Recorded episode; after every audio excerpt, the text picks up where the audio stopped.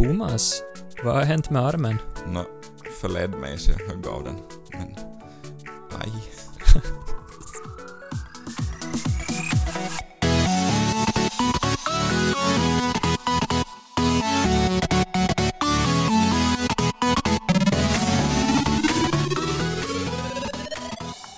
Välkommen till ny vecka och nytt avsnitt eh, med temat Bibelns buffébord som vi strax kommer att komma in mera på. Eh, Med mig idag så har jag Jimmy Österbacka, välkommen. Hejsan, tack ska du ha. Allt bra med dig? Jo tack, och det var gott kaffe du bjöd på hit. Just. Och roligt att det smakar bra. ja. Mm. Eh, någonting skilt som har hänt sen sist? då? Eh, jättekul att få vara med blivande hjälpledarna i vår församling. Ja, Jättefina ungdomar. Roligt att läsa Bibeln med dem och roligt att be med dem i mässan i söndags. ja. Men, roligt att höra. Själv då, Thomas? Jag får ju den här armen, tyvärr så, så ryckte den och den följde mig men, Just det. men, men annars allting gått. Nå, vad fint.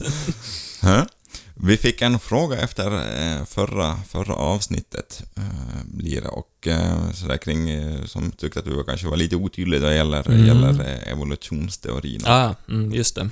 Frågan kring det. Och eh, jag tänkte att det här kan vi ta upp och lite förtydliga. Eh, nu vet jag det här, du är ju präst, och så det jag vet att församlingsanställda har, har eh, svårt med det här överlag att svara ja och nej på en fråga. Men, men är evolutionsteorin sann, Jimmy? Ja eller nej? Du får bara svara ja eller nej.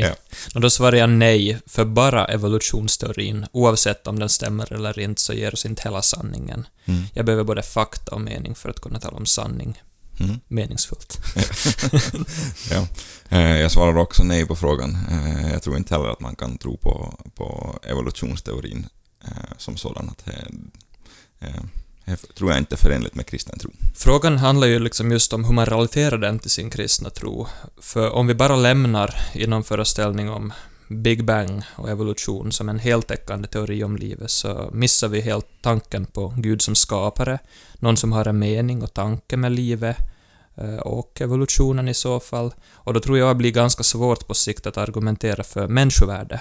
Ja. Alltså utan en tanke på att vi alla är skapade av Gud och älskade och värdefulla oavsett gener eller samhällsställning. Och eh, sen, eh, för att inte bara, bara nämna, så det nog så att innehåller nog evolutionsteorin en del brister också, så jag tror inte Ja, att vi får... Den är inte färdig heller. Nej. Nej, Eller det, teorierna kanske man skulle prata om. ja, precis.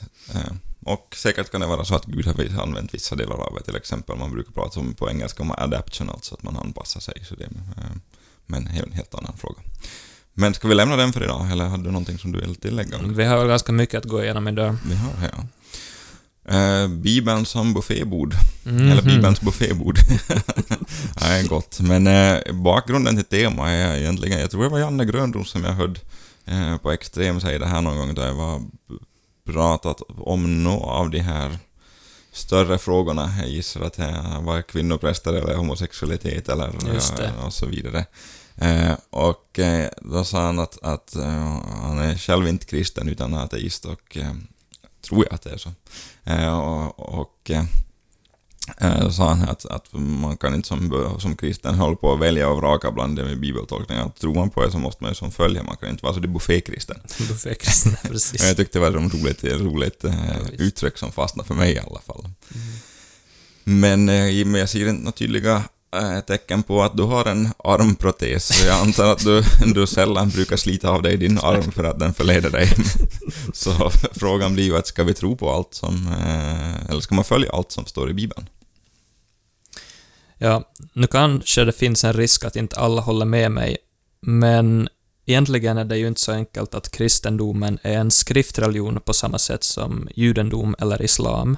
Mm. För kristna är ju, och förstå det här rätt nu då, Okej. egentligen inte bibeltroende utan vi är Jesus-troende. Och det Ja. påverkar också hur vi läser Bibeln.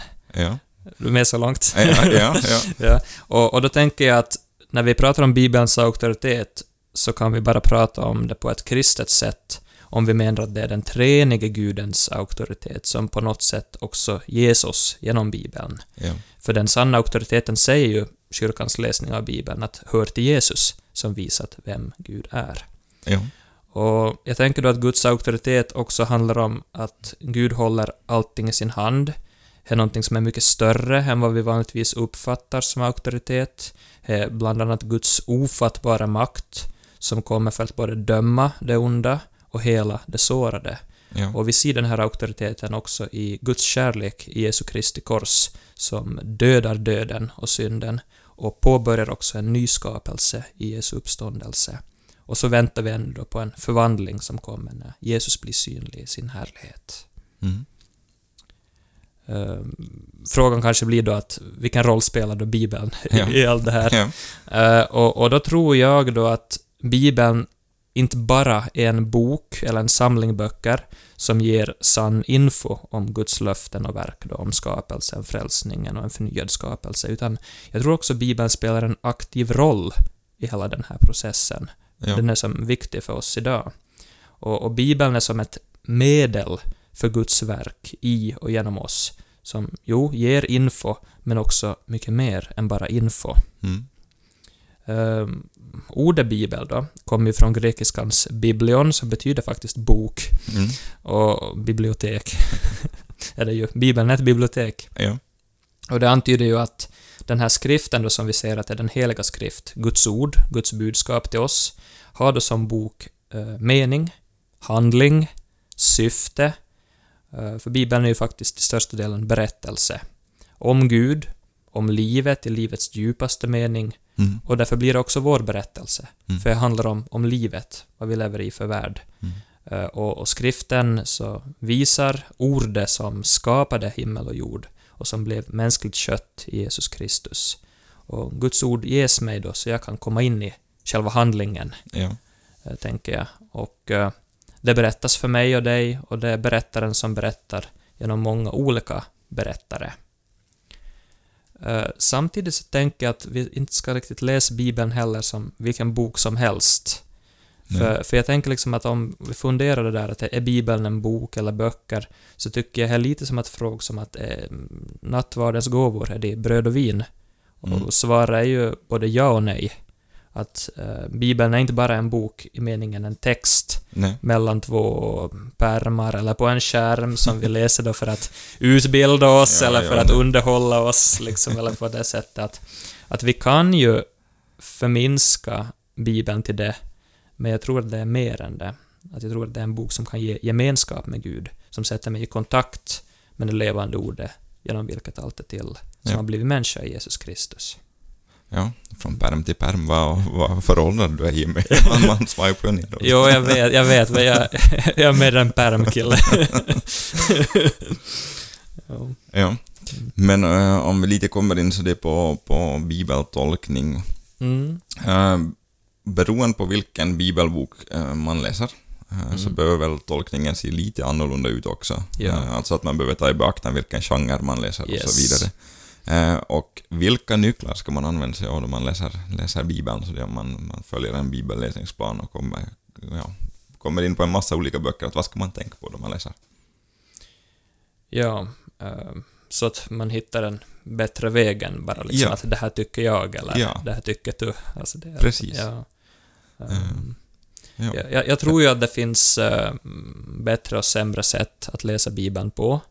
Eh, det finns många bra sätt. Många dåliga sätt, Mhm. tycker jag. Ja. Eh, Men det som kanske är ännu viktigare än sätten och metoderna som vi läser Bibeln på är vår attityd. Mm. Och, och jag skulle vilja dela tankar om två attityder som jag tror att är väldigt viktiga för oss när vi har att göra med Bibeln. Eh, Men, men det är inte som så här quick fix, quick fix Nej. att det, båda kräver mycket tid, men, men just därför är de viktiga också. Ja. Eh, jag tycker att flera, på hela skalan då, mellan både glatt bekännande kristna och de som gärna högljutt tar avstånd från Ja. allt som har med kristen tro och bibel att göra. Ja. Så eh, här finns folk som verkar ibland tro, eller det låter som att de tror att Bibeln är som en sorts lagerhall med bara info, som är som, är som bara en lagbok, eller bara en poesibok, eller är bara sagor, som, eller stränga läror eller någonting. Mm. Ehm, och jag upplever att ett bättre, och, och, men också mer utmanande och givande sätt att läsa Bibeln på eh, är liksom att faktiskt läsa det som kyrkan säger att det här är Guds uppenbarelse. Mm. Men, men det svåra med det här sättet består då i att vi, vi läser för att leva. Alltså vi har, när vi läser Bibeln, någon som vi samtalar om hela livet som jag lever. Mm. Och det här är väldigt utmanande för jag vill så ofta själv vara i kontroll. Ja. Och, och därför vill jag fort kontrollera Bibeln. Så precis så enkelt och svårt är det. Ja. Eh, Men attityd ett då, eh, som jag kanske skulle vilja uppmuntra till att vi behöver läsa Bibeln mera som någon än något. Mm. Alltså att vi går in i samtal Mm. med Bibeln. Och, och utmaningen med det här är ju att när jag öppnar Bibeln och läser sida efter sida så kan den faktiskt överraska och chocka mig. För den sätter mig i relation till Gud, alltså alla tiders Gud, som har skapat, frälst och välsignat otaliga människor före mig och som ännu leder människor. Och, och den här Gud som jag ändå får lära känna genom Jesus Kristus är fortfarande någon som jag aldrig kan förstå Mm. fullt ut, som övergår mitt förstånd. Och, och därför kan jag känna mig förvirrad. Mm. Men, men också i, i gott sällskap med Bibelns egna människor, Mm. ser jag när jag läser Bibeln. Och en, en bra bild för den här upplevelsen är den här som jag pratade om med våra blivande hjälpledare faktiskt, Ja. här nyligen, eh, från Johannes uppenbarelse, när aposteln Johannes eh, äter en skriftrulle, det här är kapitel 10, eh, och, och den smakar söt som honung, men han får svidande magont efter att ha ätit den här bibelrullen då. Ja. Och, och här tror jag handlar om att förr eller senare så märker vi att vi, vi tycker inte om allt som står i Bibeln. Nej. Eh, för Bibeln smickrar oss inte, men den involverar oss i en verklighet som är Guds verklighet, som inte mm, böjer sig efter mina fantasier, Nej. efter mig själv. Nej. Att det är lite som det där, då, då kan vi få magont. Att jo, Bibeln kan trösta, och den kan vara söt som Mm. Men det finns så svåra saker i Bibeln att ta till sig som kan vara svåra att svälja. Och Utmanande. Obe- ja, utmanande, obegripliga saker till och med också. Mm. Och här tror jag vi får vara som helt ärliga med. Och, och, och här kanske viktigt för oss att komma ihåg att i vår kultur så är vi ganska skickliga problemlösare. Mm. Och, men Bibeln kan inte tämjas. Nej. Sådär. Snygg alltså. ja. Så, så här borde ju vår hybris, oavsett vad vi är för läger, få sig en törn. Ja. Eh, Och, och jag tänker också att om vi kräver perfekt klarhet från Bibeln så kan det bli lite galet. Alltså extremt exempel skulle vara att man börjar allvarligt fundera på att "Nå, vem var nu mor till den förlorade sonen? Ja. Och liksom börja som gräva i sånt som kanske inte riktigt är den... Vi missar poängen i så Ja. fall. Ja. Nå, mm, det var lite kanske extremt exempel, men, men jag tror till exempel också att om vi stannar bara i ett så här lär Bibeln, eller vad lär Bibeln, så finns risken med det att vi inte längre läser Bibeln. Mm. Alltså här att vi, vi kommer inte in i berättelsen, i vad Gud har på gång och vad Gud vill säga oss. Så till och med i vår iver att försvara Bibeln så kan vi riskera att tysta rösten i orden Mm. och använda bara orden för våra egna syften. Mm. Alltså här, är som åtminstone en utmaning för mig. Ja. Eh, och, och, och förstå mig rätt nu då att, att bara kunskap om Bibeln och bara kunskap om kristen tro är inte målet, utan just ett medel för djupare gemenskap Mm. med Gud. För det är ju gemenskapen med Gud som är målet. Mm. Så du menar lite sådär att läsa för att jag försöker eh, hitta Guds vilja och som han vill säga åt mig och inte bara, bara läsa för att hitta, hitta argument eller så det är för Ja, det som jag ja. tycker. Ja, ja, här är gemenskapen med Gud som vi är ute efter. ja, Eh, Annars blir Bibeln bara en intressant bok. ja, Det är en intressant bok, ja, men, men jag tror att det är mycket mer än, det. Eh, och, och det där... Poängen är väl då att gemenskapen med Gud så kan ges oss genom Bibeln. Om vi då läser den då med den kunskap som vi har fått av Gud. Och, och vi är ju alla på resa i det här. mm, och, och för en kristen så är inte Bibeln heller någon hemlig mystisk text som bara några få utvalda teologiedoktorer kan, kan förstå sig på, utan nej, att det är ju, är ju Guds ord för alla, livets ord för alla. ja, Och den har ett direkt och jordnära språk och som ibland kan nå bättre till dem som inte är så lärda, ja, tror jag faktiskt. Och, och, och samtidigt så övergår skriftens mysterium också de lärdas förstånd. Eh, Gregorius den store i den tidiga kyrkan så har ju sagt att en obildad läsare kan förstå Bibeln och de bildade återupptäcker den utan uppehåll. Ja. Så, ja, får jag vara eh, lite personligt, Ja. In, inte så ingående, men, men intressanta saker kan hända i bibelläsningen. Mm. Eh, nyligen så en bibeltext som för flera år sedan så skakade om mig och gjorde mig orolig, Mm. eller gav mig magont, som jag har haft svårt med. Så bara för några veckor sedan, så när jag läste den utan förvarning eller agenda, så bara att jaha, det var så här enkelt. inte var jag så värre än det här. Nej. Att, att nu förstår jag. Och, jag går inte in på vad jag var, för jag är så pass utdragen och, och lång story, men, Ja. men, men ändå det där att med tiden så kan Jesus Ja. vissa saker, så, så låser det. Man måste inte veta allt direkt. nej, nej, nej, nej, Nej. jag tänker. Nej. Ja. Och, och jag, jag tänker att eh, jag säger liksom det här bara för att om vi tror att vi kan använda Bibeln till att lista ut hela verkligheten och ha alla svar, så, så då är det inte så mycket som skiljer oss från de första människorna. Nej. Med kunskapens Kontro- träd. Kontrollbehov. Ja, ja. Mm. Ja, Vad är det man brukar säga? Att kontrollbehov är den första synden. Ja, precis. Och, och om vi då förminskar bibelläsningen till bara vår egen ideologi, vår egen propaganda, eller vår egen färdiga information eller bruksanvisningar, så, så tystar vi den levande rösten och Mm. använder Bibeln bara för egna syften. Och, och oavsett då vilken gruppering eller personlighetstyp jag tillhör, så om jag bara använder Bibeln för mina egna syften, så kommer det inte nödvändigtvis att kräva någonting av mig relationellt i relation till Gud. Mm. Och här tror jag vi får pröva oss själva. Bibeltexter så kan ju aldrig betyda någonting som de aldrig har betytt eller någonting som de var ämnat att betyda så att säga. Eh, Och eh, det här behöver vi väl som, ha som utgångspunkt och eh, komma ihåg då vi började läsa Bibeln och fundera på vad, då vi försöker följa den i vår vardag. Och att börja med det här med, med som startpunkt istället för att att eh, fundera på, på människosynsargument eller kultur, kulturella argument och så vidare. Att, att det här med att vad är Guds vilja med den här texten så behöver vara utgångspunkten. Så vi börjar läsa, läsa Bibeln och försöka tackla vå- svåra ställen också. Eh, de är ställena som ger magont som du pratade om. eh, och eh, det här med att hitta Guds vilja så kanske, ja, vi, vi behöver ha det här som utgångspunkt helt enkelt. Eller? Jo, alltså jag tänker ju att sökande efter Guds vilja så... mm, Och det behöver handla om att jag faktiskt vill tala med Gud om det liv som jag lever. Att, att där, där behöver vi börja liksom. Det, det, det här Det handlar ju om hur vi närmar oss Bibeln. Eh, Den här andra attityden då som jag också skulle vilja eh, dela idag, så handlar ju om att eh, läsa Bibeln tillsammans med Guds vänner.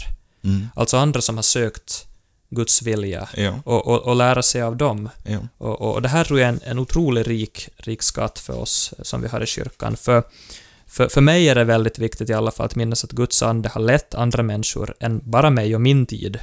Alltså jag vill läsa och lära mig av hela kyrkans bibelläsning och för att hitta det här som Vincent av Lerins sa på 400-talet att det som överallt, alltid och av alla har trotts, det är kyrkans sanna lära ja. Det där, det där tycker jag smakar gott.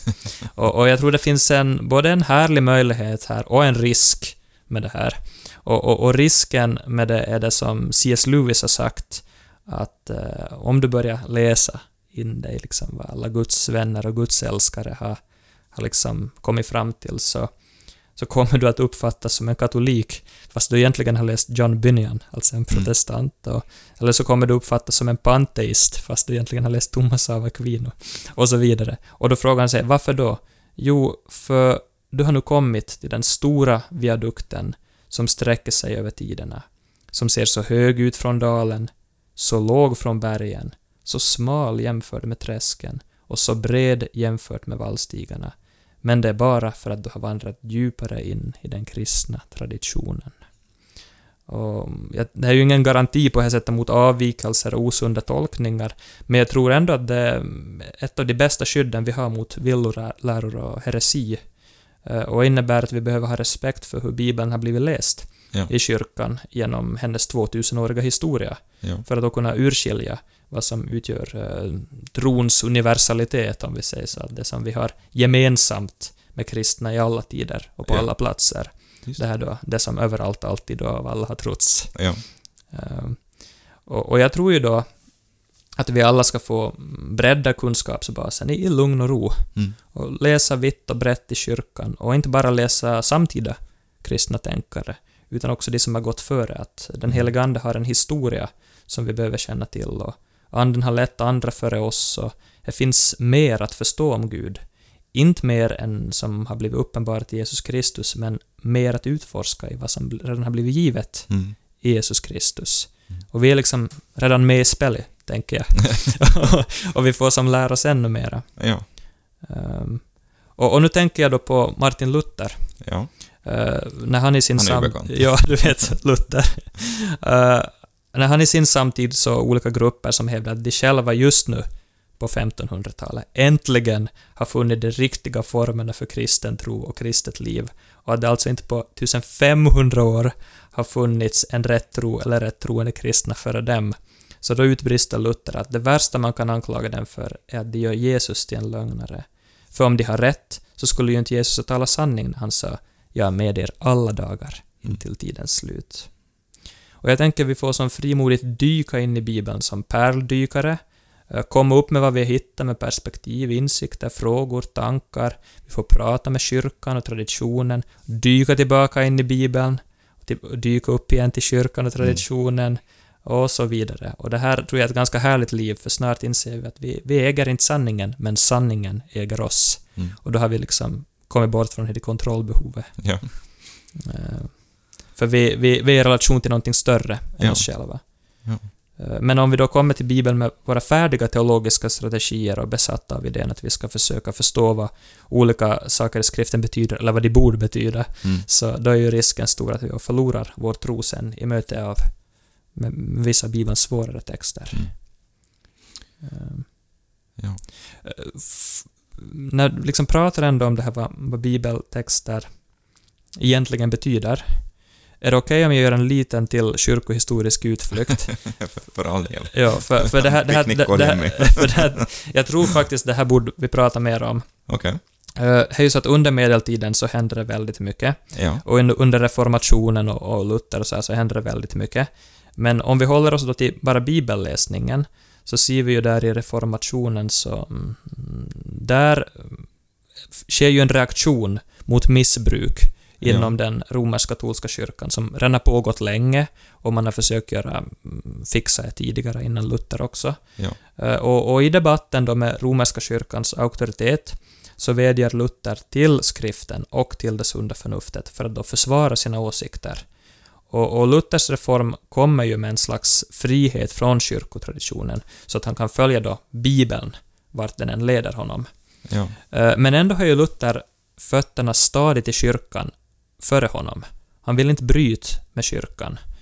Eh, Så skriften alena handlar i en mening om att inget utöver skriftens budskap så måste man lära sig tro för att bli frälst.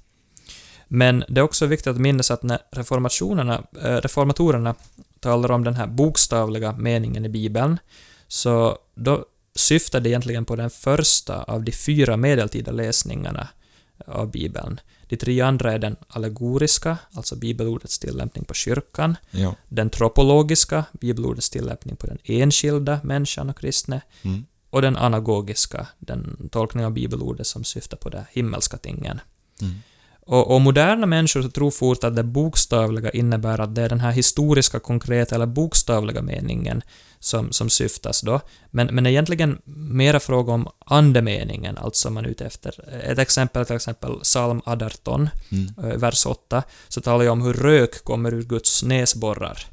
Men det ska ju förstås i sammanhanget som en bild för Guds vrede Ja. dem som förtrycker hans folk. Det är ju som inte fråga om att som.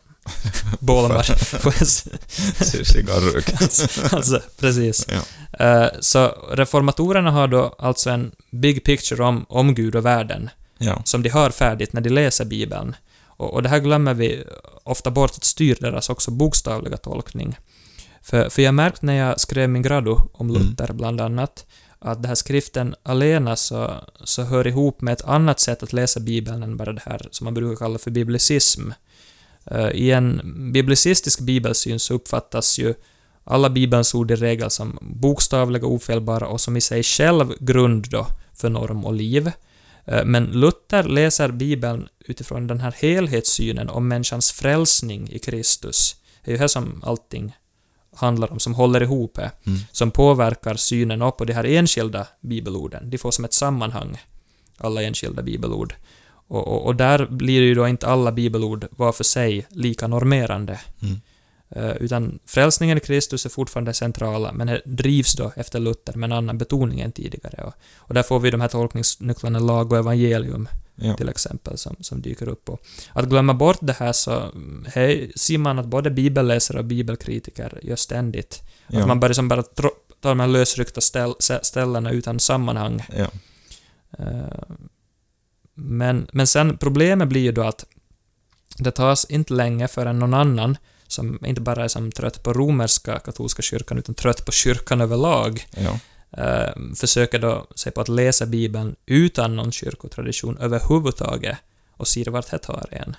Så snart har vi då universitetsprofessorer som läser Bibeln utan någon känsla av att behöva ställa sig i någon viss kyrkotradition. Och för att försvara sina åsikter då så vädjar de här inte lika mycket till Jesus i bön utan bara till skriften och till sunda förnuftet för att försvara sina åsikter. Ja. Och, och egentligen påminner lite om retoriken som Luther använde, men, men när den blir använd sen av mer radikala tänkare som Spinoza, så blir ju följden en utveckling som går mot den här moderna bibelkritiken, och också mot liberalteologin. Mm. Parallellt då med andra moderna bibelläsare, bibellärare och gudsvänner i den moderna världen. Ja.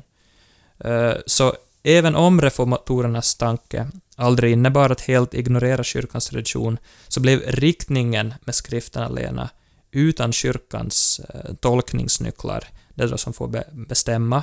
Och, och när det blir så, så blir det fort så att den enda auktoriteten blir efter Descartes och upplysningstänkarna det här naturliga förnuftets ljus. Och man kapar ju då igen meningen av sig från bönens liv och kyrkans liv och man börjar snart spela förnuftet och Bibeln mot varandra. Och, och bönen med kyrkan verkar bli allt mer ointressant. Ja. Ehm, och, och, och då kommer vi just till det att så småningom reduceras den bokstavliga meningen i den moderna tiden till en enda, alltså den historiska, eller vad författaren just egentligen avsåg. Problemet med det är ju att när man då tar bort kyrkans tolkningar av Kristus i Gamla Testamentet med argumentet att sådana mm, tolkningar är sånt man läser in eller är fantasi och ingenting som Gamla Testamentets författare ursprungligen avsåg, Ja. så då blir det egentligen en modern variant av markionismen, som var en irrlära i fornkyrkan. Ja. Så det är ju... Frågan blir ju liksom då att vad, vad ska vi med Gamla Testamentet till? Mm.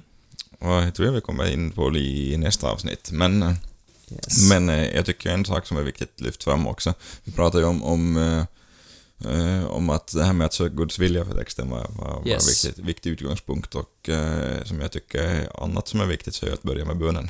Absolut. Att, eh, ja, det tror jag också är grunden.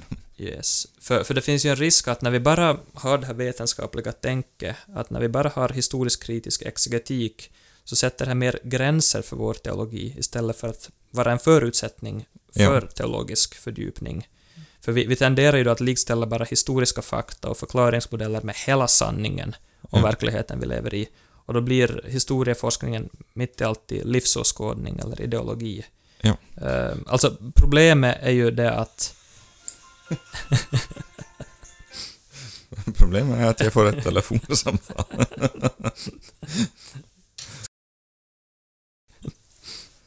ja, Jimmy, vad är problemet egentligen förutom mitt telefonsamtal?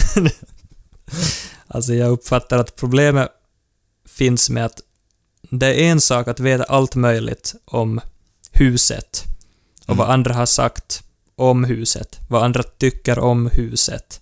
Men det är en helt annan sak att själv bo där i huset och att ha det som ett hem, ett varmt och kärleksfullt hem och att bjuda in andra i gemenskapen i det hemmet. Mm. Om jag använder en sån bild. Ännu till sist så får du, och det här får du bara svara ja eller nej på nu. Är allt som står i Bibeln sant, Jimmy? Och jag får bara svara ja eller nej. Och inte förklara alls hur jag tänker. Du får börja, vi börjar där. Okej, jo, jag, ja, ja, det är sant. Jag tror det är ande och liv, Jesu ord. Ja. Mm. Om du får utveckla alldeles, alldeles kort. Jag tänker att när språket är personligt och riktat till mig så då uppenbarar det och betyder att jag inte bara får veta mera utan jag blir mera.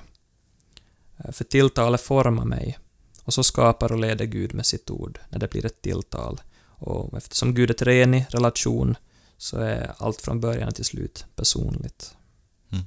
Eh, Jag skulle vilja säga nu att jag tror att kyrkan menar att tron inte heller är någonting man kommer fram till genom att hitta rätt metod att tolka Bibeln, utan att det är en gåva av den helige Ande. Eh, Och som ett avslutande praktiskt tips Mm. så, så kanske jag skulle vilja påminna om det här då att Bibeln är mer någon än något, hur, hur märkligt den låter. Att, Mm. att det handlar om att läsa mer som någon än något, som vi läser tillsammans med Guds vänner. Ehm, om Bibeln kan fostra till ett rättfärdigt liv, som den säger i Andra Timoteusbrevet, så är det inte i första hand på grund av då moralen, etiken och reglerna och vägledningen, utan genom att Bibeln låter oss komma i relation med någon som just formar våra liv. Mm. Och därför tänker jag att vi behöver närma oss Bibeln med respekt, varsamt, med kärlek och inte se den så mycket som ett objekt som ska gripas och kontrolleras, utan mer som ett subjekt. Att här är någon som vi kan prata med och som vi kan utmanas av och som kan leda oss och som har större planer för våra liv. Mm. Och, och jag tänker då att det är kanske först när vi verkligen vill lära känna Gud, älska Gud och göra hans vilja som Bibeln börjar öppna sig för syfte att ge oss en tro och inte en heltäckande färdig livsåskådning. Som evangelisten Johannes säger i sitt 20 kapitel. Också många tecken som inte har tagits med i denna bok gjorde Jesus sina lärjungars åsyn. Men dessa har upptecknats för att ni ska tro att Jesus är Messias, Guds son, och för att ni genom att tro ska ha liv i hans namn. Mm. Eh, tänker också svara på frågan. Är allt som står i Bibeln sant? Ja. Eh, Jag håller med. Jag håller med. Och eh, Stefan Gustafsson sa, sa här, jag tror det var han, eh, som sa att eh, Bibeln är sann i allt som den påstår. Att visst kan det vara några årtal eller så det som eh, man kan hitta något fel med, men, men eh, sann i allt som den påstår. Till exempel att eh, Jesus är enda vägen som vi har varit inne på tidigare i något podcastavsnitt. Eh, jag behöver inte tveka på. Och eh, jag har också ett praktiskt tips. Eh, läs Bibeln. Yes. Det är det bästa. Yes, Som vi pratar om bibelläsning. Absolut. Och det här var allt för dagens avsnitt. Eh, Och i nästa avsnitt så kommer vi att gå in mer på Gamla Testamentet och eh, problematiken som finns där och hur vi Mycket ska läsa. spännande. Ja, Väldigt spännande. ja, ja absolut. Men vi tackar för att ni har lyssnat. Var välsignade.